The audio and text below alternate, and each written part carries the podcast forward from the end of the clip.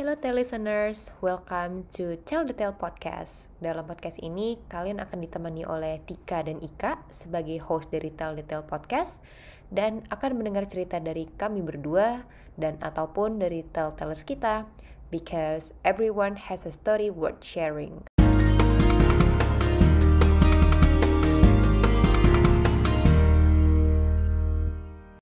Halo, kembali lagi listeners. Apa kabar? Mbak Ika sehat ya, Mbak?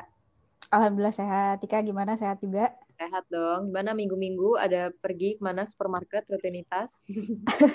Udah kemarin dan ini uh, kita lagi record recording yang episode ini nih abis long weekend kemarin ya Tik ya. Betul, betul. Jadi kayak abis oh, long weekend.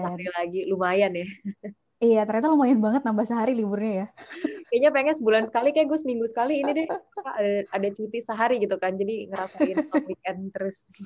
Ini padahal kerjanya udah di rumah loh ya, tetap ya tapi ya ternyata ya. Beda guys, ternyata guys.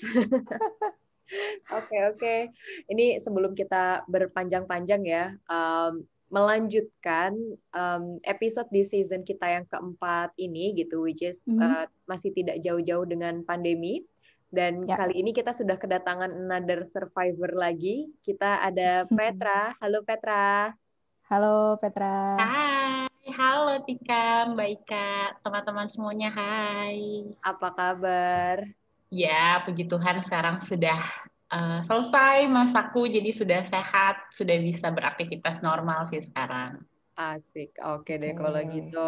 Sebelum lebih jauh Petra mengenalkan diri juga nih, jadi gue kasih konteks dulu mungkin buat uh, listeners biar nggak pada bingung. Jadi gue dan Petra, ya kita udah lama banget juga sih Pet nggak ketemu ya. Kita teman teman kuliah ketika udah 10 tahun lebih yang lalu di Jatinangor gitu ya. Um, yes. Dan ya alhamdulillah sekarang kita sekarang masih uh, saling catch up dan update juga. Cuman karena pandemi kita memang udah lama banget nggak ketemu. Gue inget sih dulu pas awal pandemi ya lo sempat mampir ya.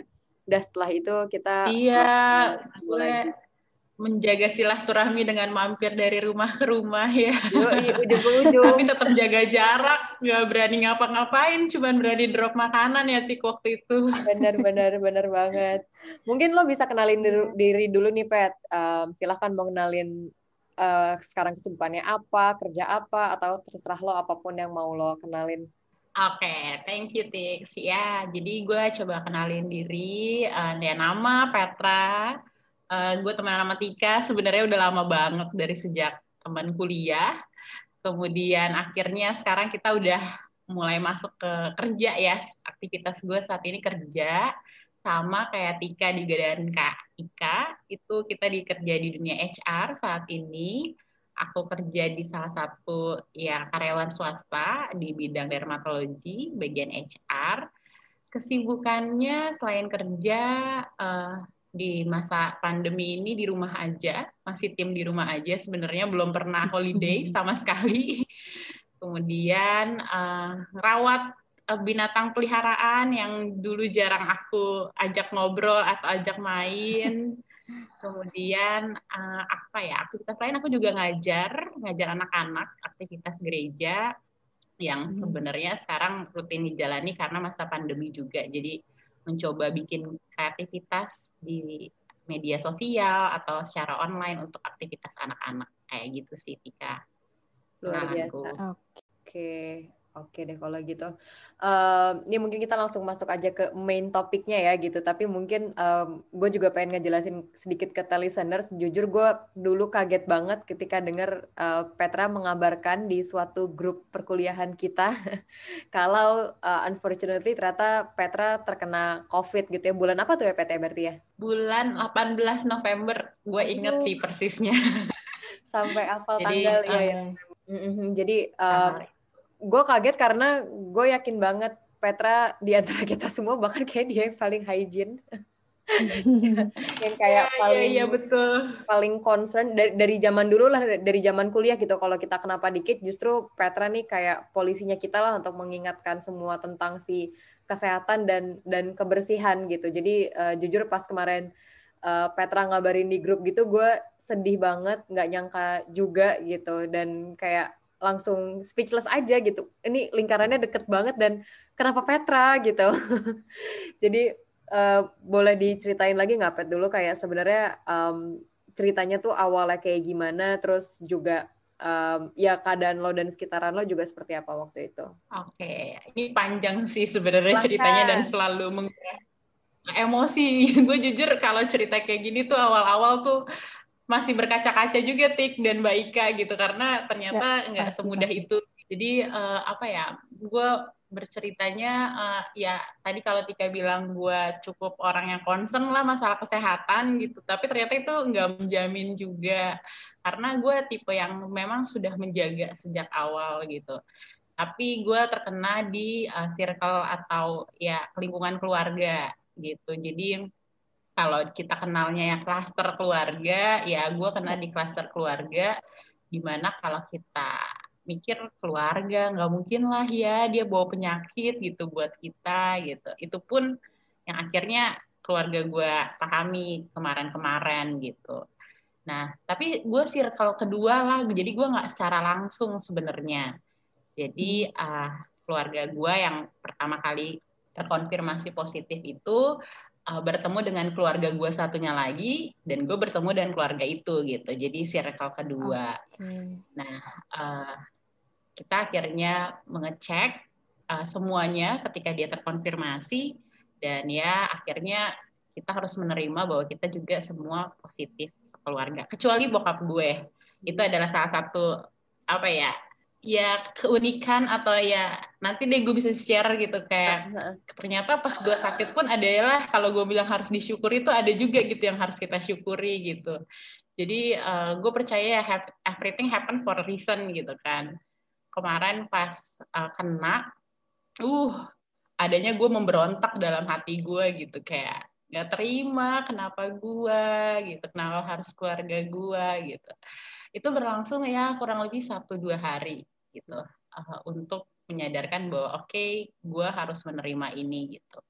Akhirnya gue mencoba menenangkan diri terus udah gue ubah mindset gue gue harus menerima.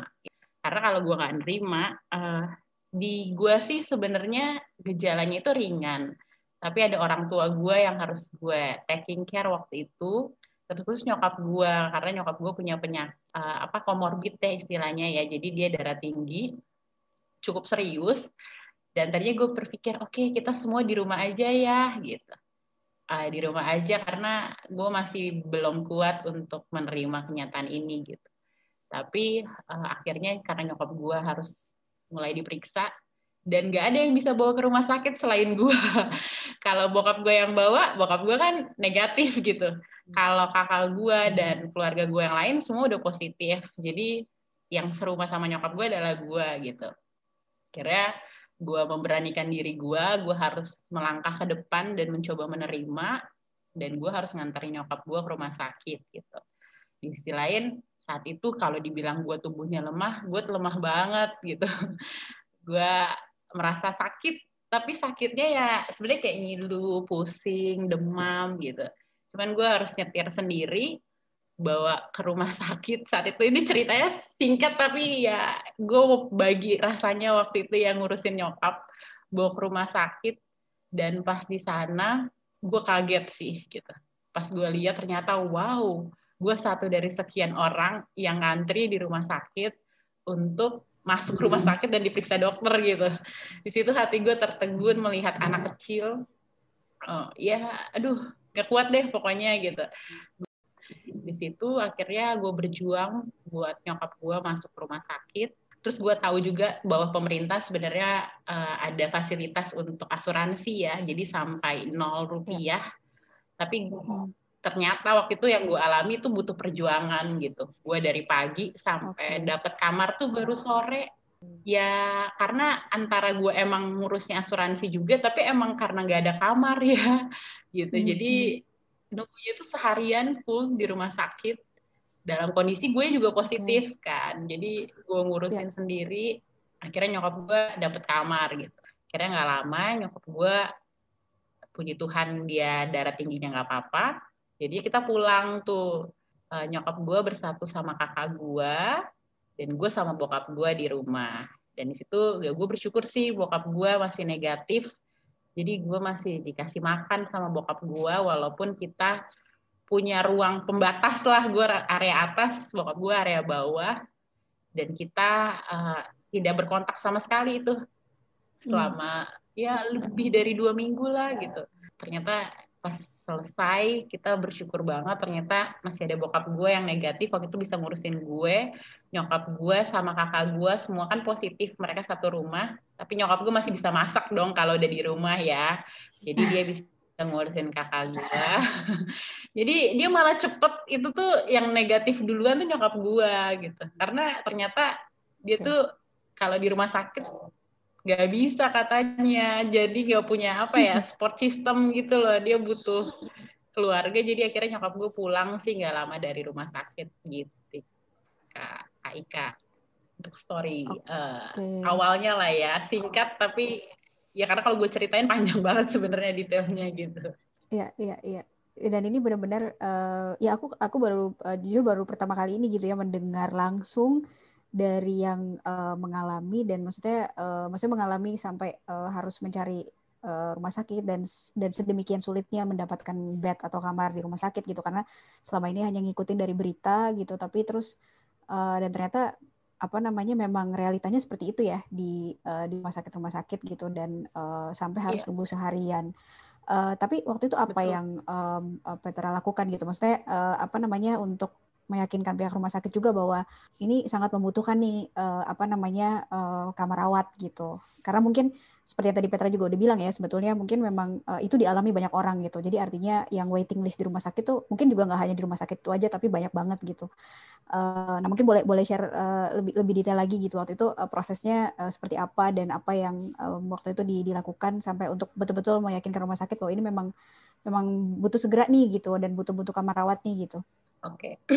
jadi kalau misalnya waktu itu tuh sebenarnya gue juga pengen dirawat, tik. Kenapa? Karena gue pengen okay. nemenin nyokap gue kan, gitu. Mm-hmm. Tapi gue tuh terkendala yaitu ternyata memang uh, kesusahan rumah sakit dan ya tadi penuhnya bed. Akhirnya tuh ada memang syarat-syarat dari pemerintah mana orang yang boleh dirawat gitu di rumah sakit. Oke. Okay. Nah nyokap yeah. gue tuh memang masuk kriterianya gitu. Jadi waktu itu ada kriteria okay. uh, eh, di atas 60 tahun pertama Hmm. kemudian uh, punya penyakit komorbid gitu. Nah, nyokap okay. gue pokoknya memenuhi kriteria-kriteria itu dan gue tidak memenuhinya. Artinya gue hmm. dianggap masih bisa uh, isolasi mandiri. Dan hmm. di situ akhirnya uh, nyokap gue gue urus, tapi akhirnya hmm. uh, nyokap gue bisa dapat bed dan akhirnya ya udah gue mulai menerima sih di sisi itu. Gitu, Oke, okay.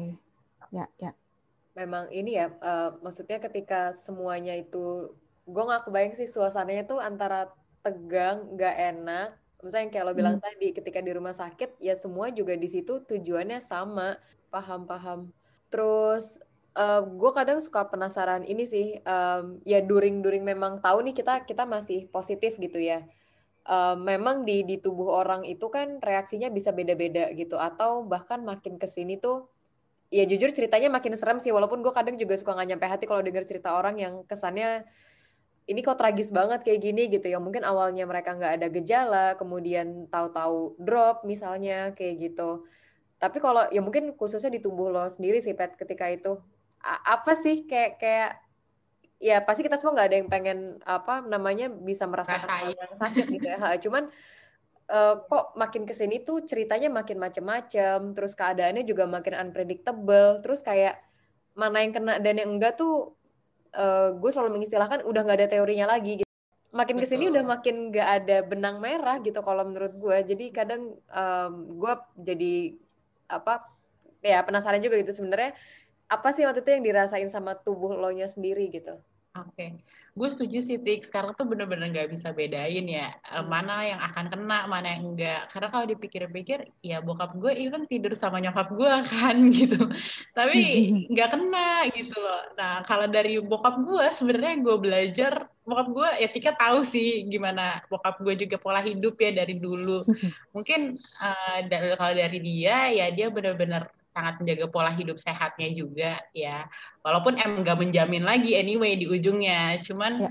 uh, ternyata ada kok yang bisa kayak gitu dengan menjaga pola sehat dan juga pikiran gitu bokap gue hmm. orang yang sangat uh, ya gak usah dipikirin semua dibawa uh, bersyukur dan take it easy gitu ya jadi ternyata itu yang membuat bokap gue mungkin juga waktu itu imunnya jauh lebih kuat dari kami gitu karena akhirnya uh, bokap gue nggak kena terus nyokap gue yang kena dan gue yang gue rasakan uh, sebenarnya kalau secara fisik ya itu tuh sama aja tik batuk lah pilek demam tapi ya. psikis yang mungkin itu adalah yang baru gue rasain saat itu gitu hmm. pertama hmm. stereotip yang tadi gue cerita lo hmm ya apa sih kena covid gue harus mikirin ya. teman-teman gue yang kemarin interaksi sama gue jadi gue juga kemarin panik waktu itu sama grup teman-teman gue di grupnya Tika juga karena gue bertemu sama mereka dan gue mau mikirkan apa dampak gue bertemu dengan mereka gitu ya. gue follow up terus kalian ngecek nggak hasilnya kayak gimana karena itu tuh sangat ganggu pikiran gue juga gimana sih jadi hmm, beban hmm. lo jadi kayak ya kalau orang bilang jadi musibah buat orang lain mungkin kayak gitu itu yang ya. awal-awal gue rasain jadi uh, termasuk uh, ya juga yang gue rasain psikis uang juga sebenarnya secara nggak langsung mau gak mau lo akan terkuras jujur jadi hmm. PCR berkali-kali yang gak murah itu dilakukan hmm. terus keluarga sakit itu jatuh banget mental lo Uh, eh, gue ya. juga oh ya tadi mungkin belum cerita sebenarnya kakak gue kan punya anak bayi ya. Jadi bayi satu tahun teman lo main dulu maksudnya lo jagain gitu terus sakit kan sakitnya covid lagi gitu. Jadi pasti itu menambah kejatuhan mental lo gitu. Jadi kalau apa yang dirasain tuh ya fisik dan psikis itu sih tadi tik. Oke okay. ya uh, sangat bisa dipahami ya. Maksudnya uh, pasti itu masa-masa yang yang sangat sangat tidak mudah untuk dilalui karena juga pasti secara mental juga ya istilahnya didominasi dengan perasaan-perasaan negatif gitu ya ya cemas gitu kan. Uh, apa namanya uh, ya ya cemas ya takut. Terus juga tadi mungkin uh, jadi ada kekhawatiran juga uh, atau terbebani gitu dengan waduh nih kemarin kalau yang habis interaksi gimana nih? gitu. Jadi ada ada perasaan takut membahayakan orang lain juga gitu ya Um, tapi waktu pada saat menjalani proses itu uh, apa yang Petra rasakan paling menjadi kekuatan paling apa ya uh, paling utama lah gitu atau paling besar yang membuat akhirnya Petra terus um, apa istilahnya uh, berusaha mencari jalan keluar gitu terus uh, apa namanya menjalani gitu ya. Artinya untuk menjalani aja itu pasti udah udah udah berat gitu ya untuk untuk bisa menjalani gitu. Sampai akhirnya kemudian uh, terlewati masa-masa itu gitu. Nah apa yang paling menjadi kekuatan terbesar waktu itu? Iya uh, iya sih ini penting banget juga sih uh, baik kak jadi waktu itu kan uh, yang tadi langkah awal gue adalah melihat nyokap gue kan yang kemarin hmm. uh, gue yang tadi gue cerita bahwa uh, kalau gue nggak bergerak saat ini nyokap gue siapa yang mau bawa ke rumah sakit gitu kan jadi yeah, uh, yeah. saat itu membuat gue oke okay, gue harus berdiri buat nyokap gue karena hmm. cukup banyak ya kalau orang cerita tuh sampai ya cerita-cerita yang menyedihkan gitu jadi gue saat itu yeah. oke okay, gue nggak mungkin menyerah sampai di sini jadi gue harus bangkit uh, untuk ya nyelesain ini semua dengan baik gitu terus hmm. setelah akhirnya gue mulai uh, nyokap gue mulai dirawat juga kemudian gue akhirnya mulai banyak waktu ya bener-bener di kamar bener-bener satu ruangan doang yang bisa gue nikmati dengan diri gue sendiri mau nggak hmm. mau ya lo akan mundur sedikit lah lo lihat sebenarnya apa yang jadi evaluasi diri lo apa sih yang masih lo salah ya. selama ini dan lo akan jadi uh, ya connected more with God juga sih jadinya kayak okay. gitu uh, lo percaya pasti nanti dapat aja itu kekuatannya ketika lo memang ya datang ke Tuhan gitu loh. Jadi ya. di situ gue mengambil, oke okay, gue harus mundur. Memang Tuhan minta gue untuk ada waktu sendiri bersama Tuhan gue gitu misalnya untuk mm-hmm. bener-bener minta kekuatan sama yang di atas gitu. Dan akhirnya ya. sejak itu gue merasa ya mindset gue sebagai uh, apa namanya penderita COVID itu harus bisa jadi manfaat juga buat orang lain nantinya gitu. Jadinya ya. dapat aja gitu ketika lo mulai berserah. Oke, okay, gue hmm. diizinkan Tuhan untuk dapat kayak gini. Anggaplah ini gift, tapi giftnya memang unik gitu ya. gitu, ya, giftnya ya. unik sekali gitu. Kalau hmm. uh, Tika tahu dan baik ketawa, kita juga mau menjelang Natal, which is itu sebuah ya. momen yang sebenarnya kita juga tunggu sekeluarga kan. Tapi ya hmm. ya udah selalu ada pelajaran dan jadi gue berusaha untuk menerima itu ketika gue sakit jadinya sekarang sih udah bisa lebih bangkit ya uh, untuk cerita-cerita gitu karena dulu juga nggak mudah nih ya. cerita ya. kayak gini pasti pasti gitu. kebayang uh, uh. ini luar biasa sih maksudnya um, kayak fase denial itu kan memang yang paling tersulit ya gitu cuman hmm, pada yeah. akhirnya uh, berapa lama ngelewatin si fase denial itu dan benar-benar take action itu yang pada akhirnya akan beda-beda setiap orang gitu. Dan kalau tadi Lopet sampai bisa bilang ya memang kenyataannya gue harus mundur dulu untuk benar-benar bisa melihat ini sebenarnya semuanya apa. Terus um, yeah. untuk apa ya pikirannya bisa clear oke okay, ini memang waktu gue untuk sama Tuhan gitu. Itu kayak yeah. susah banget aja sih gue mikir bisa sampai sana gitu. Pasti kan campur aduk lah terus kayak aduh keluarga gue gimana? Terus ah ngebayangin dua minggu di yeah. kamar doang gitu misalnya yang nggak yeah. nggak ringan aja sih gitu jadi um, ya alhamdulillah sekarang sudah sudah terlewati semuanya gitu cuman mm-hmm. uh, nggak tahu ya gue ngeliat lo jadi lo sudah melewati suatu kayak mungkin kalau ada gunung yang gede banget gitu kayak ah gue udah lewat iya betul gitu. Iya, rasanya kalau lihat ke belakang sebenarnya gue udah berlari dan melompat gunung yang tadi lo bilang itu sih, Tik. Tapi perjuangan again belum selesai ternyata. Even COVID juga masih tetap ada gitu. Jadi ya, ya. sebenarnya punya pelajaran ke depan. Tapi gue kalau ngelihat ke belakang, oke okay, gue udah bisa berhasil dan dapat banyak hal dari kisah gue sebelumnya gitu dan dan memang sangat tidak mudah loh sampai ke titik itu gitu ya titik di mana kita bisa betul-betul uh, istilahnya surrender sebetulnya ya jadi kayak uh, yakin bahwa oke okay, ini ini tidak tidak uh, bukan sesuatu yang nyaman dan mudah untuk dijalani gitu. Tapi memang kenyataannya kita yang dipilih untuk menjalani ini which means berarti uh, ada ada hal ada hal yang kita nggak tahu maksud dibalik ini semua apa dan berarti kita mampu menjalani ini gitu ya. Uh, dan untuk sampai kepada yeah. penerimaan dan pemikiran itu tuh pasti melalui proses yang sangat tidak mudah dan panjang gitu Iya, iya betul, setuju sih. Kadang gue juga kalau berpikir ya simple, gue bangga sama gue yang kemarin gitu, karena hmm. gue sebenarnya sejatuh itu, tapi jujur sekarang gue udah mulai bangkit, jadi gue kayak merasa juga achievement lah buat diri gue saat ini gitu. Gue kebayang ada ini juga ya, maksudnya ketika di masa kayak gitu kan ada banyak hal yang ini tuh bukan benar-benar kita yang kontrol gitu loh. Ya apalagi hmm. sekarang makin sering dengar ceritanya yang unpredictable dan kejadiannya mulai banyak yang sudah tidak sesuai teori gitu. Terus once ketika memang sudah ada di keadaan kayak gitu, nggak ada yang bisa dipegang aja semuanya gitu. Selain ya memang ya udah berserah dan ya misalnya tetap mengusahakan apa yang bisa diusahakan gitu kan. Kalau ternyata memang ada worst case things happens, ya tetap harus dicari jalan keluarnya gitu loh. Ternyata gitu. Ya. Ya kayak misalnya kita juga kayak dititipin gitu loh sama Tuhan untuk uh, dapat pelajaran kayak gini supaya lo bisa ya. juga bagiin buat orang lain gitu. Betul, di sekitar setuju. lo. Jadi gue selalu merasa ya jadinya orang terpilih sih, walaupun terpilihnya kalau orang lihatnya itu negatif, tapi ya lu selalu ubah mindset lo bahwa lo terpilih positif gitu loh. Ada alasan dibaliknya gitu sih.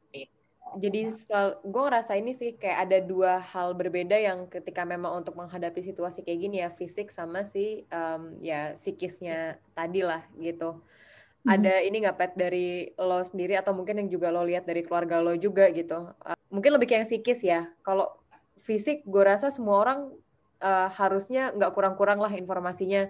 Ya protokol lah vitamin jaga jaga kesehatan segala macem gitu. Cuman kalau psikis ya even untuk orang yang memang um, dalam keadaan lagi tidak terkena gitu apa sih yang memang harus ditanemin juga gitu? Karena kan banyak ya ibaratnya sekarang pun ya kita juga nggak boleh sombong yang kita nggak pernah keluar rumah aja juga ternyata bisa yeah. jadi kena gitu-gitu kan orang um, kadang tidak sadar ya gitu. Sampai memang uh, kalau dengar cerita langsung dari temen deket yang belum cerita kayak gini gitu atau kayak denger siapa yang kena baru agak lebih berpikir gitu. Cuman kan kita intinya pengen mencegah semuanya semuanya dan jadi lebih kuat baik fisik maupun psikis gitu. Nah dari lo ada pesan-pesan khusus nggak nih Iya, jadi kalau misalnya ya pasti kan lo harus mastiin dulu ya protokolnya gitu kan, supaya lo nggak terkena secara fisik gitu, sakit fisik. Jadi hal itu udah banyak hmm. banget setuju tik, banyak banget himbauan untuk lo menjaga uh, protokol kesehatannya. Dan ketika eh, betul-betul lo udah menjaga, terus lo kena juga gitu kan. Sebenarnya yang perlu dipersiapkan walaupun belum kena adalah ya mental healthness-nya juga gitu loh. Jadi kayak ini tuh penting banget sih sebenarnya untuk punya ya positif mindset terus jadinya ya. Uh, ya positif mindset tuh penting sih jadi kayak gue merasa gue nggak mempersiapkan itu dari awal gue orang yang cukup percaya diri gue nggak akan kena karena apa karena gue semenjaga itu gitu jadi gue ya. tidak mempersiapkan kesehatan mental gue ketika gue kena gitu jadi hmm. pas gue uh, akhirnya harus membagikan mungkin emang lo harus juga bersiap ada hal-hal yang nggak bisa lo kontrol di dunia ini kan pada akhirnya ya. gitu. Kalau udah bisa memastikan semuanya berjalan udah kontrol terus akhirnya lo juga kena lo nggak bisa ngelawan gitu loh. Jadi pilihannya mau nggak mau lo harus menerima gitu diri lo keadaan lo supaya juga uh, ini bisa dilewati dengan baik gitu. Jadi bener-bener mindset di tengah pandemi kayak gini tuh uh, perlu banget sih dibangun gitu ya untuk lo punya positif mindset dan penerimaan akan kondisi yang akan lo alami nantinya sih. Setuju banget. Ya, ini ini strong message ya. Berat jadi psikologi banget gitu ya. mengarah ke psikologi sih cuman kayak memang yang gue rasakan bener-bener ya lebih neken ke mental gue soalnya waktu itu gitu. Dan dan setuju banget sih sebetulnya Petra. Maksudnya uh, mungkin karena uh, kalau dalam situasi Petra ya sudah pasti ya uh, kita kita bisa bisa ya, uh, Amin aku sendiri mungkin nggak bisa imagine apa yang Petra sudah lalui gitu. Uh, tapi uh, bukan hanya bahkan mungkin uh, ketika kita semua ini gitu ya walaupun yang um, bisa dibilang sama seperti Tika circle terdekatku juga uh, rasa-rasanya semakin semakin banyak gitu yang mulai uh, mengalami juga gitu. Tapi di luar itu pun uh, kita semua dengan in general gitu ya menghadapi pandemi ini pun ternyata mempengaruhi kondisi mental kita tuh cukup signifikan loh gitu. Jadi dengan perubahan-perubahan kita harus bekerja di rumah, terus mungkin jadi nggak bisa berinteraksi sama orang seperti pada umumnya, teman-teman kita gitu ya, keluarga kita yang nggak serumah gitu. Jadi semua harus ditunda, semua harus dibatasi gitu. Terus ternyata uh, ada di rumah terus uh, dengan waktu yang cukup panjang juga ternyata menjadi tantangan tersendiri gitu ya. Terus juga banyak hal lah gitu. Terus kemudian berita, terus uh, ya itu tadi ada mendengar kabar dari teman-teman kita atau saudara atau keluarga yang mungkin juga uh, terpapar gitu. Jadi itu hal-hal yang sebenarnya juga cukup berdampak uh, negatif ke kondisi mental kita semua kayaknya ya. Dan mungkin ini nggak cuma dialami Betul. sama masyarakat Indonesia, tapi semua negara yang juga sedang berjuang uh, dengan pandemi ini gitu. Jadi uh, apa namanya memang pada akhirnya mau nggak mau mindset untuk accepting uh, the situation dan menerima bahwa ada hal-hal yang kita nggak bisa kontrol ini yang yang ternyata perannya cukup penting ya Betul, betul, setuju banget. Karena gue merasa itu yang refleksi kemarin gue rasain gitu. Gue bener-bener gak bisa nerima dan akhirnya cukup membuat gue jatuh gitu. Jadi hmm. perlu juga kayaknya ya sesi-sesi ya edukasinya tuh bukan hanya sekedar protokol kesehatan jadinya ya, tapi accepting situation gitu ya kali ya. Benar-benar. Ya, ya. Kayaknya memang butuh apa ya? Um, level kedewasaan tertentu gitu loh untuk menghadapi situasi yang kayak sekarang secara keseluruhan ya gitu. Soalnya kayaknya ini kalau hmm. menurut gue sih, um, ya tadi si protokol itu kayak teori gitu. Padahal mm-hmm. in reality dan ya dari data yang kita terima juga lah gitu. Tadi semakin banyak yang nggak kepredik. Jadi orang tuh masih kayak mindsetnya gue udah jaga, gue kena, ya pasti kan nggak terima dong jadinya gitu. Padahal Betul. di kenyataan Betul. sekarang um, ya bukan berarti kayak ya udahlah gue dia yang jaga aja kena misalnya kayak gitu tapi kan bukan dibalik juga mikirnya ya udah gue nggak usah jaga ya, kan kayak akhirnya gitu, jadi nggak gitu. usah gitu ya ya, ya. benar-benar tapi memang harus ada pengertian kalau memang ini tetap masih bisa ada kemungkinan dari mana pun gitu tapi juga hmm. doesn't mean jadi melalaikan si protokol juga jadi kan ber, berlipat-lipat ya cara-cara berpikirnya hmm. dan kalau misalnya memang secara mental nggak siap dan secara kedewasaan juga nggak siap ya ya itu kayaknya yang akan jadi lebih gawat lagi nggak sih nantinya kalau ya nauzubillah menjalik memang terjadi sesuatu gitu. Oke okay, oke, okay. okay. thank you banget nih Pet. Tapi uh, kalau dari setelah mengalami semua ini apa nih yang berubah dari hidup lo dan hmm. keseharian lo dan mungkin dari keluarga-keluarga lo juga? Iya iya iya. Sebenarnya yang paling paling kelihatan ya, uh, yang paling berubah adalah gue mulai berisik banget sama orang yang nggak pakai masker sih. Ini simple sih. ya gue tidak mau mengecam juga. Artinya uh, ya. gue lebih pengen nih semua orang tuh sadar bahwa emang hal kecil sekecil itu pakai masker tuh berarti banget gitu loh buat hidup. Banyak orang gak buat hidup lo doang. Ketika ya. lo bilang lo peduli pada sesama as simple as you use your mask gitu kan. Ya kalau di lingkungan gue ya sekarang sih orang-orang udah pada tahu gue yang berteman sama gue gue akan berisik banget please. Gue tahu mungkin lo sehat itu bisa jadi gue yang membahayakan buat lo jadi pakailah masker gitu. Itu secara simple yang bisa gue lakukan dan gue ingatkan ke orang lain. Begitupun ketika gue harus tetap melakukan aktivitas gue keluar jadinya di rumah even di keluarga ya gue dulu nggak pakai masker tapi gue sekarang uh, di depan bokap nyokap gue serumah kalau gue habis keluar rumah seminggu perjalanan itu gue akan pakai masker sih hmm. ya, ya. artinya ya. apa ya ya gue sayang gitu loh udah pure karena Betul. wujud gue sayang sama orang lain makanya gue pakai masker gitu itu ya. ya bener sih itu hal hal kecil cuman bukan berarti hal sepele sebenarnya gitu apa ya Betul. mindsetnya memang start dari situ gitu karena ya kalau itu hal-hal kecil dikumpulin kumpulin kumpulin juga nggak comply ke sana ya jujur gue ngelihatnya hal-hal lain pasti jadi lebih menyepelekan dalam tanda kutip gitu yang orang nggak sadar gitu untuk melakukan hal-hal yang lain. Ya, karena uh, budaya saling mengingatkan ini juga uh, kadang bisa disalahartikan gitu ya sama orang lain gitu. Apalagi ketika kita mungkin misalnya mungkin menegur orang yang kita nggak kenal atau kita nggak berteman dekat itu udah. Tapi ketika menegur teman kita sendiri misalnya gitu atau keluarga kita sendiri yang kadang kadang-kadang itu justru jauh lebih sulit gitu. Padahal sebetulnya memang kita melakukan itu karena tujuannya adalah untuk uh, kebaikan bersama gitu. Justru karena kita peduli gitu. Jadi ini ini another strong message menurutku gitu ya bahwa um, apa ketika ketika ada orang di sekitar kita yang mengingatkan kita soal protokol kesehatan selama caranya juga baik gitu ya dan dan tidak bukan bermaksud untuk berlebihan dan sebagainya. Um, anggaplah itu memang sebuah kepedulian gitu sebetulnya dari orang yang ada di sekitar kita untuk kembali lagi karena ini tanggung jawab kita semua gitu. Kita punya kontribusi untuk uh, apa bisa melakukan sesuatu supaya pandemi ini juga cepat selesai. Jadi kita semua bisa hidup normal lagi sesegera mungkin gitu kan sebenarnya. Iya, setuju banget Mbak Ika. Bener sih, saling mengingatkan. Sama ya, kalau diingetin juga, please ambil ini tuh hal yang positif. Jangan sampai baper gitu kalau diingetin ya.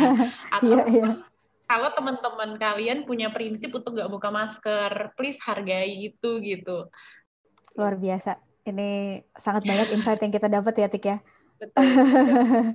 Oke, thank you banget nih dari Mbak Ika. Ada lagi nggak Mbak kira-kira? Enggak, uh, aku mau terima kasih banyak uh, buat Petra udah meluangkan waktunya buat ngobrol bareng kita, udah sharing um, cerita-ceritanya kemarin juga. Uh, karena pasti tidak mudah ya uh, menceritakan uh, kembali sesuatu yang yang apa ya challenging untuk kita jalani gitu. Uh, tapi terima kasih Petra udah bersedia untuk cerita dan mudah-mudahan uh, semua tadi uh, message-message yang uh, Petra sampaikan uh, juga bermanfaat juga buat buat listeners yang um, karena ini dengar langsung dari orang yang sudah mengalami gitu ya dan mudah-mudahan uh, ya ini jadi usaha kita sama-sama lah buat uh, mempercepat selesainya pandemi ini ya mudah-mudahan. Betul betul. Iya. Setuju. Terima kasih ya. Aku sendiri nggak berasa nih waktu kita yang udah selesai. jadi kayak seru juga ya ceritanya. Oke oke okay. ya thank you ya Tika Mbak Ika. Thank you, thank you, uh, thank you Petra. Berusaha banget maksudnya memanfaatkan ini juga untuk sharing apa yang kita aku alami waktu itu supaya ketika teman-teman amit-amit kejadian ya teman-teman udah bisa mempersiapkan itu dengan lebih baik tapi terlebih adalah mari kita untuk ya proteksi sebaik mungkin diri kita dan keluarga kita juga supaya semoga nggak terkena uh, pandemi covid ini gitu. Betul, betul Amin. banget sih. Um, jadi semua tadi udah dipaparkannya udah cukup jelas juga ya gitu, baik dari langkah-langkahnya dan fisik dan psikis yang juga ya sampai kapan pun tetap harus kita persiapkan karena semuanya juga masih unpredictable gitu. Yes. Oke, okay, kalau gitu thank you yes. banget Petra, um, sehat-sehat terus um, semoga keadaan kita ke depannya semua juga um, semakin jadi lebih baik. Kita semua juga Amin. jadi lebih dewasa, lebih kuat. Mm-hmm. Perjalanannya Betul. masih panjang gitu dan gue yakin semuanya juga harapannya sama sih. Di sini kita saling mengingatkan dan semoga keadaannya bisa segera kembali ke normal yang senormal-normalnya dulu yang udah kita sangat amat rindukan gitu ya. Ya. So, oke okay, kalau gitu, uh, thank you semuanya, thank you listeners yang udah mendengarkan kita juga sampai akhir. Um, semoga obrolan kita kali ini benar-benar, ya gue yakin semuanya pasti dapat manfaatnya sih. Jadi ini sudah nggak pakai ragu ya, pasti akan mendapatkan manfaatnya. Dan um, kalau tadi kayak apa pesannya, kalau mau diulang lagi bisa di rewind rewind lagi, biar makin masuk gitu ya. bisa bisa makin um, lebih paham juga dengan situasi apa sih yang sebenarnya saat ini kita hadapi gitu. Oke, kalau gitu um, tetap ya listeners jangan lupa uh, follow Instagram kita di @teldetail.id. Um, ada update apa aja, siapa tamu-tamu berikutnya akan kita update semuanya di Instagram. And see you on the next episode. Bye bye. Dadah. Dadah.